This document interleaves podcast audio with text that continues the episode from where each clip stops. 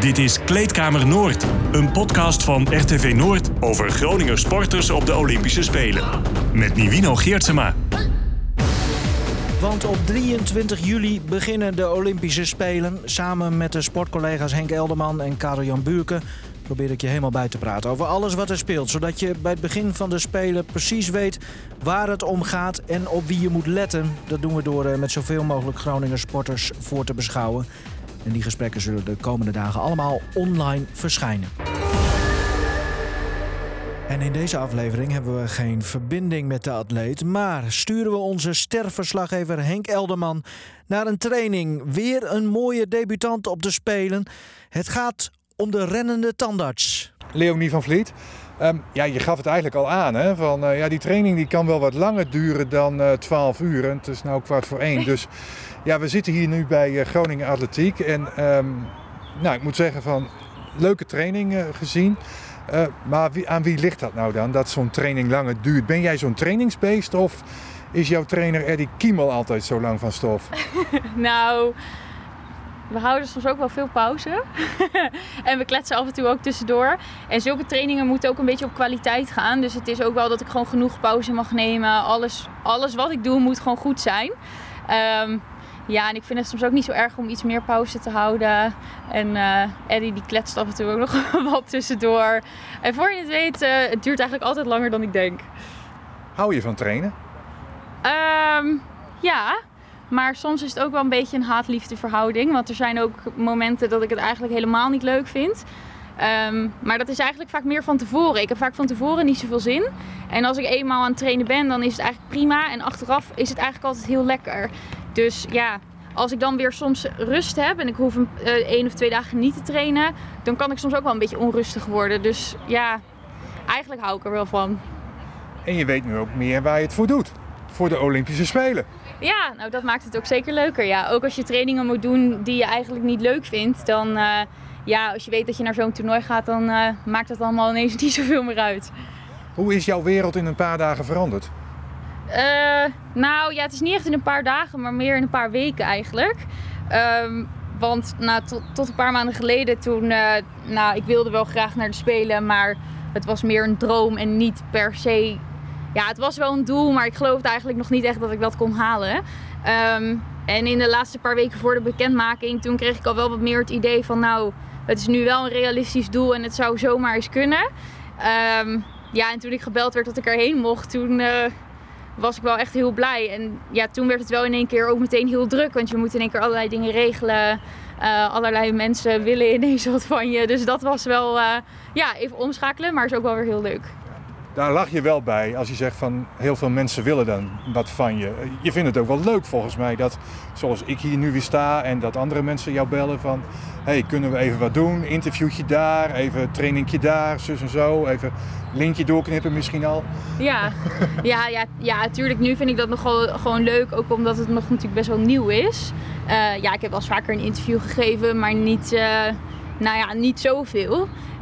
Um, maar ja, ik, ik kan me ook wel voorstellen dat het, ja, het is ook wel drukker. Je hebt wel weer meer, ja, nou ja, niet per se verplichtingen, maar wel weer meer dingen daaromheen die je moet doen. Maar op dit moment zie ik dat eigenlijk alleen maar als positief. Dat het gewoon zo goed gaat dat dat, uh, ja, dat, dat nu zeg maar ook op me afkomt. Ja. Uh, even terug naar het verleden. Uh, we staan hier nu op de baan van Groningen Atletiek. Um, hoe lang ben jij al lid van Groningen Atletiek? Want jij bent hier niet geboren in Groningen. Nee, dat klopt. Ik kom uit Alphen aan de Rijn. En daar heb ik ook heel lang uh, getraind bij de atletiek uh, club daar. Um, en ik zit nu een jaar of vijf bij Groningen Atletiek. Ik train hier al wel wat langer, maar um, daarvoor was ik toch gewoon nog wedstrijdlid bij AAV 36. Dat was dan mijn oude club. Um, en toen op een gegeven moment ging ik bij Team Vermeld trainen. En toen, uh, nou ja, toen ben ik hier uiteindelijk ook lid geworden. Volgens mij is dat nu ja, ongeveer vijf jaar geleden, denk ik. Nu hoor ik wel eens van atleten die eigenlijk uh, nooit, uh, nou laat ik zo zeggen, ehm, met een ander onderdeel beginnen dan waar ze uiteindelijk op uitkomen. Is dat bij jou ook het geval? Nee, eigenlijk niet. Vanaf het begin heb ik al wel de sprint gedaan. Ik, we kwamen er wel vrij snel achter dat ik nou ja, wel gewoon meer van de explosieve onderdelen was. Ehm, dus vanaf het begin heb ik wel sprint gedaan. En aan het begin heb ik ook nog wel wat verspringen erbij gedaan. Ehm, maar goed, dat valt wel een klein beetje in dezelfde eh, categorie, zeg maar. Eh, en uiteindelijk ging de sprint gewoon heel goed en ben ik daar toen gewoon mee, eh, mee verder gegaan. En eigenlijk nooit echt wat anders, nooit echt wat anders gedaan. En ook altijd goed bijgevoeld. Ja, ja. We hebben nog wel eens een beetje 400 meter ook geprobeerd. Dus wat meer langere sprint. Maar dat is ja, toch te ver voor mij. En dat Moet je geschikt voor zijn. Ja, ja, zeker. En ik vond het uiteindelijk ook niet zo leuk. En ehm, ja, we dachten dat ik met trainen wel wat beter daarin zou worden. Maar dat viel toch een beetje tegen. Dus eh, nu ja, toch maar gewoon echt een korte sprint. En dat was uiteindelijk wel een goede keus. Ja. Eh, jouw PR staat sinds vorige week op eh, 1129. Ehm, nu ben jij 28 jaar. Ja. Je bent wel een beetje een laadbloeier, of niet? Ja, dat klopt, zeker. Ja. Ja, ik weet ook niet precies hoe dat komt. Ik, ehm, bij de junioren trainde ik nog wat minder. Dus toen, toen was ik op zich oké. maar ik haalde wel finales in de NK en zo. Maar ik was nou niet, eh, nou ja, ik haalde daar geen medailles of zo. Ehm, toen ben ik een tijdje geblesseerd geweest. Toen ging ik naar Groningen verhuizen. Ja, toen heb ik gewoon... Nou, ik ben wel altijd atletiek blijven doen. Maar toen was het gewoon een beetje op een iets lager pitje. Ehm, ja, en toen uiteindelijk ben ik weer meer gaan trainen. En toen begon het een beetje te lopen dat, het eigenlijk, dat ik eigenlijk steeds beter werd. En eh, ja, dat is eigenlijk nu nog steeds zo. Dus eh, ja, tot nu toe vind ik het nog niet zo erg. Zolang ik nog steeds blijf verbeteren, dan eh, ja, is er eigenlijk niks aan de hand. Je kwam naar Groningen om te studeren. Tandheelkunde neem ik dan aan, omdat je tandarts ja, bent. Ja, dat klopt, ja. Ja, dat, dat is ook iets wat altijd in je hoofd spookte. Van dat wil ik gaan doen, net als die 100 meter sprint. Tandarts worden. Ja, ik wilde al tandarts worden toen ik zes was of zo. Dus eh, dat, wil, dat was gewoon, eh, nou dat was eigenlijk het enige wat ik wilde doen. Ehm, en dat ben ik toen hier in Groningen gaan doen. En ik denk ook wel dat ik deels, dat is gewoon best wel een drukke studie. Ehm, en ik was gewoon niet echt, ik wilde gewoon die studie heel graag afmaken. En wel daarnaast sporten. En ik probeerde dat wel zo goed mogelijk te combineren. Maar ik wilde ook niet tien jaar over mijn studie doen. Ehm, maar ja, nu ben ik gewoon klaar met studeren. En merk ik gewoon dat ik nu meer tijd over heb om wat meer tijd in het sporten ook te steken. Dus ik denk wel dat dat deels er nu ook voor heeft gezorgd dat ik nu zoveel vooruit ben gegaan. Wat ik mij altijd afvraag, hè, als ik met een tandarts spreek, van, kijken die nou meteen naar eh, mijn tanden in dit geval? Nou, bewust niet, eh, maar onbewust wel. Want ik kan wel eens ergens zijn met iemand of, of op de televisie of zo, dat ik kan zeggen van, oh, die, eh, die heeft niet zulke mooie tanden. En andere mensen valt het dan niet op. Dus onbewust doe ik dat wel, maar ja, zelf heb ik het niet zo door. Als je het over sprinten hebt hè, in Nederland, dan heb je het ook over uh, Thuram Di Martina. Wat vind jij van zijn gouden tand? Ehm, ja, bij hem vind ik het wel leuk, maar ehm, zelf, zelf ben ik er niet zo'n fan van. Ehm, die 100 meter sprint, hè, eh, die moet je opbouwen. Hè? Het is niet zo van dat je meteen volle bak moet. Hoe, hoe ziet de ideale 100 meter voor jou eruit? Ja, ik moet dus eigenlijk wel vanaf het begin gewoon volle bak. En bij mij is vooral de start die is, gaat vaak niet goed. Dus het is bij mij het belangrijkste dat ik gewoon een goede start heb en daar zo hard mogelijk zeg maar accelereer. Ehm, zodat ik het laatste stuk gewoon een hoge topsnelheid heb. En dan loop ik gewoon een snelle tijd. En dat resulteerde dus vorige week in een eh, toptijd eh, voor jou. Ehm, ja, hoe voelt dat dan? Dat je ineens, zeg maar, ook nadat je eh, te horen hebt gekregen dat je naar spelen mag, ineens bijna twee tienden van je PR afloopt. Ja, ik was echt heel blij. Eerst geloofde ik het gewoon bijna niet eigenlijk. Terwijl, ja, ik wist wel dat ik echt sneller kon lopen dan wat ik tot nu toe had laten zien. Maar ja, dit was natuurlijk wel in één keer gewoon een grote sprong vooruit. Ehm, en ik was vooral gewoon ook een soort opgelucht. Want ik, ik wist natuurlijk al dat ik naar de Spelen mocht. Dus dat, nou ja, neemt in eerste instantie wel de druk een beetje weg. Maar tegelijkertijd stond ik op die wedstrijd en had ik wel een beetje zoiets van, ja, ik voelde ook wel weer ineens een soort ander, andere soort druk. Omdat ik wel dacht van, ja, nu moet ik eigenlijk wel het ook laten zien. En wel laten zien dat ik het ook een soort van verdiend heb of zo. Dus daar was ik toch nog wel een beetje gespannen over. En dat ik dan zo'n tijd liep, ja, dat was wel echt, eh, ja, was voor mij wel een beetje, nou ja, dat alles zeg maar nu echt bij elkaar kwam en dat het gewoon klopte. En dat laten zien dan, is dat alleen voor jezelf of, ook voor anderen? Dat je laat zien van, hé, hey, hier ben ik en eh, ik wil erbij zijn. Ik, ik, ik wil ook in die series sowieso lopen in Tokio. Ja, nou ja, beide wel, denk ik. Kijk, tuurlijk wil ik het ook aan anderen laten zien. ehm, om toch ook een soort van te bewijzen dat ik het kan. Maar het is ook wel tegenover mezelf. Want het is gewoon, dit jaar ben ik best wel veel harder gaan lopen. En er zijn gewoon momenten dat ik dat ja, toch niet helemaal besef of zo. En dat ik soms toch mezelf zie als. ehm, ik zit nu wel met die meiden in een estafette team, maar ja, ik zag hun toch, toch nog wel voor me dat zij wel gewoon beter zijn dan ik eigenlijk. En nu ik zo'n tijd heb gelopen, denk ik wel van ja, dat hoef ik eigenlijk helemaal niet te denken, want ik kan, ik kan dat ook gewoon. Hoe groot schat je de kans in trouwens dat je in de series gaat lopen in Tokio? Ja, is moeilijk.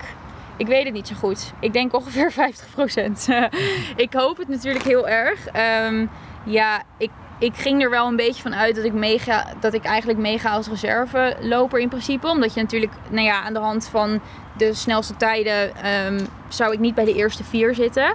Maar ja, nu heb ik wel 11.29 gelopen. Dus dat, nou ja, doet wel goede zaken, denk ik. Ehm, maar het gaat ook nog afhangen. We gaan straks eerst nog 12 dagen trainen in Japan. En daar zitten ook weer estafette trainingen bij. En daar gaat ook nog best wel veel van afhangen. Dus ja, het, het gaat echt daaraan liggen. Dus eh, ik weet het niet. En eh, een 100 meter recht vooruit is natuurlijk ook heel anders dan een estafette. Want de kans is denk ik groot dat je dan ook een bocht moet lopen. En Ja. je zult niet gaan starten.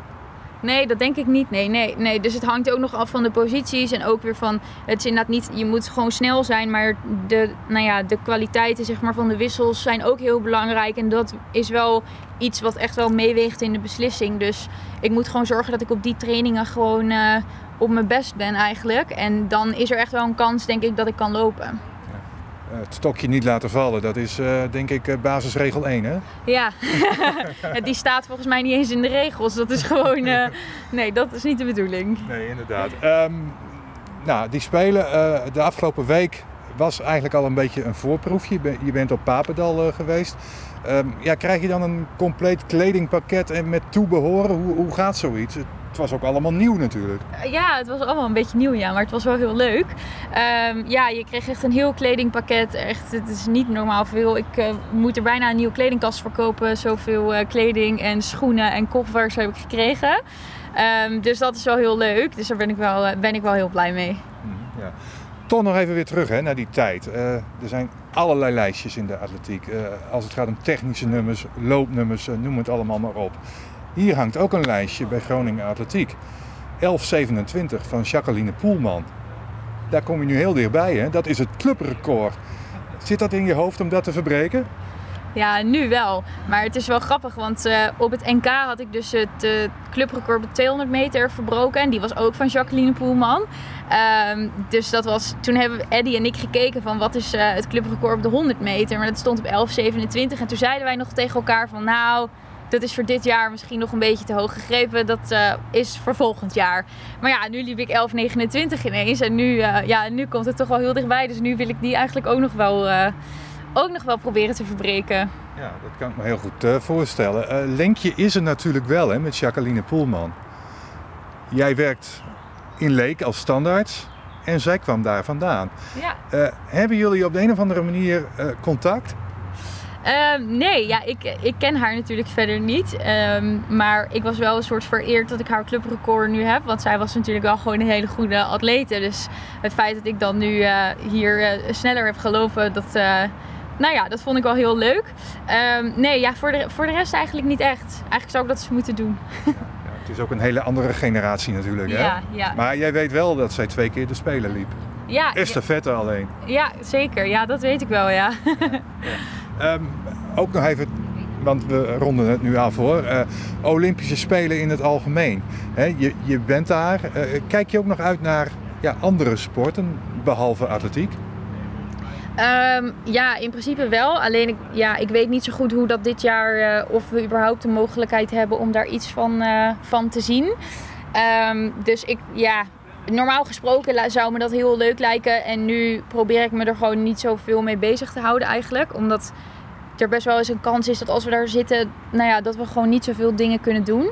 Ehm, en dan wil ik niet te veel dat ik dan teleurgesteld ben of zo. Dus ik probeer me daar nu nog niet zoveel mee bezig te houden. En te denken, nou ja, ik, eh, ik zie het wel als ik daar kom. En eh, nou ja, ik moet natuurlijk ook nog concentreren op mijn eigen prestaties. Dus we gaan het wel gewoon zien.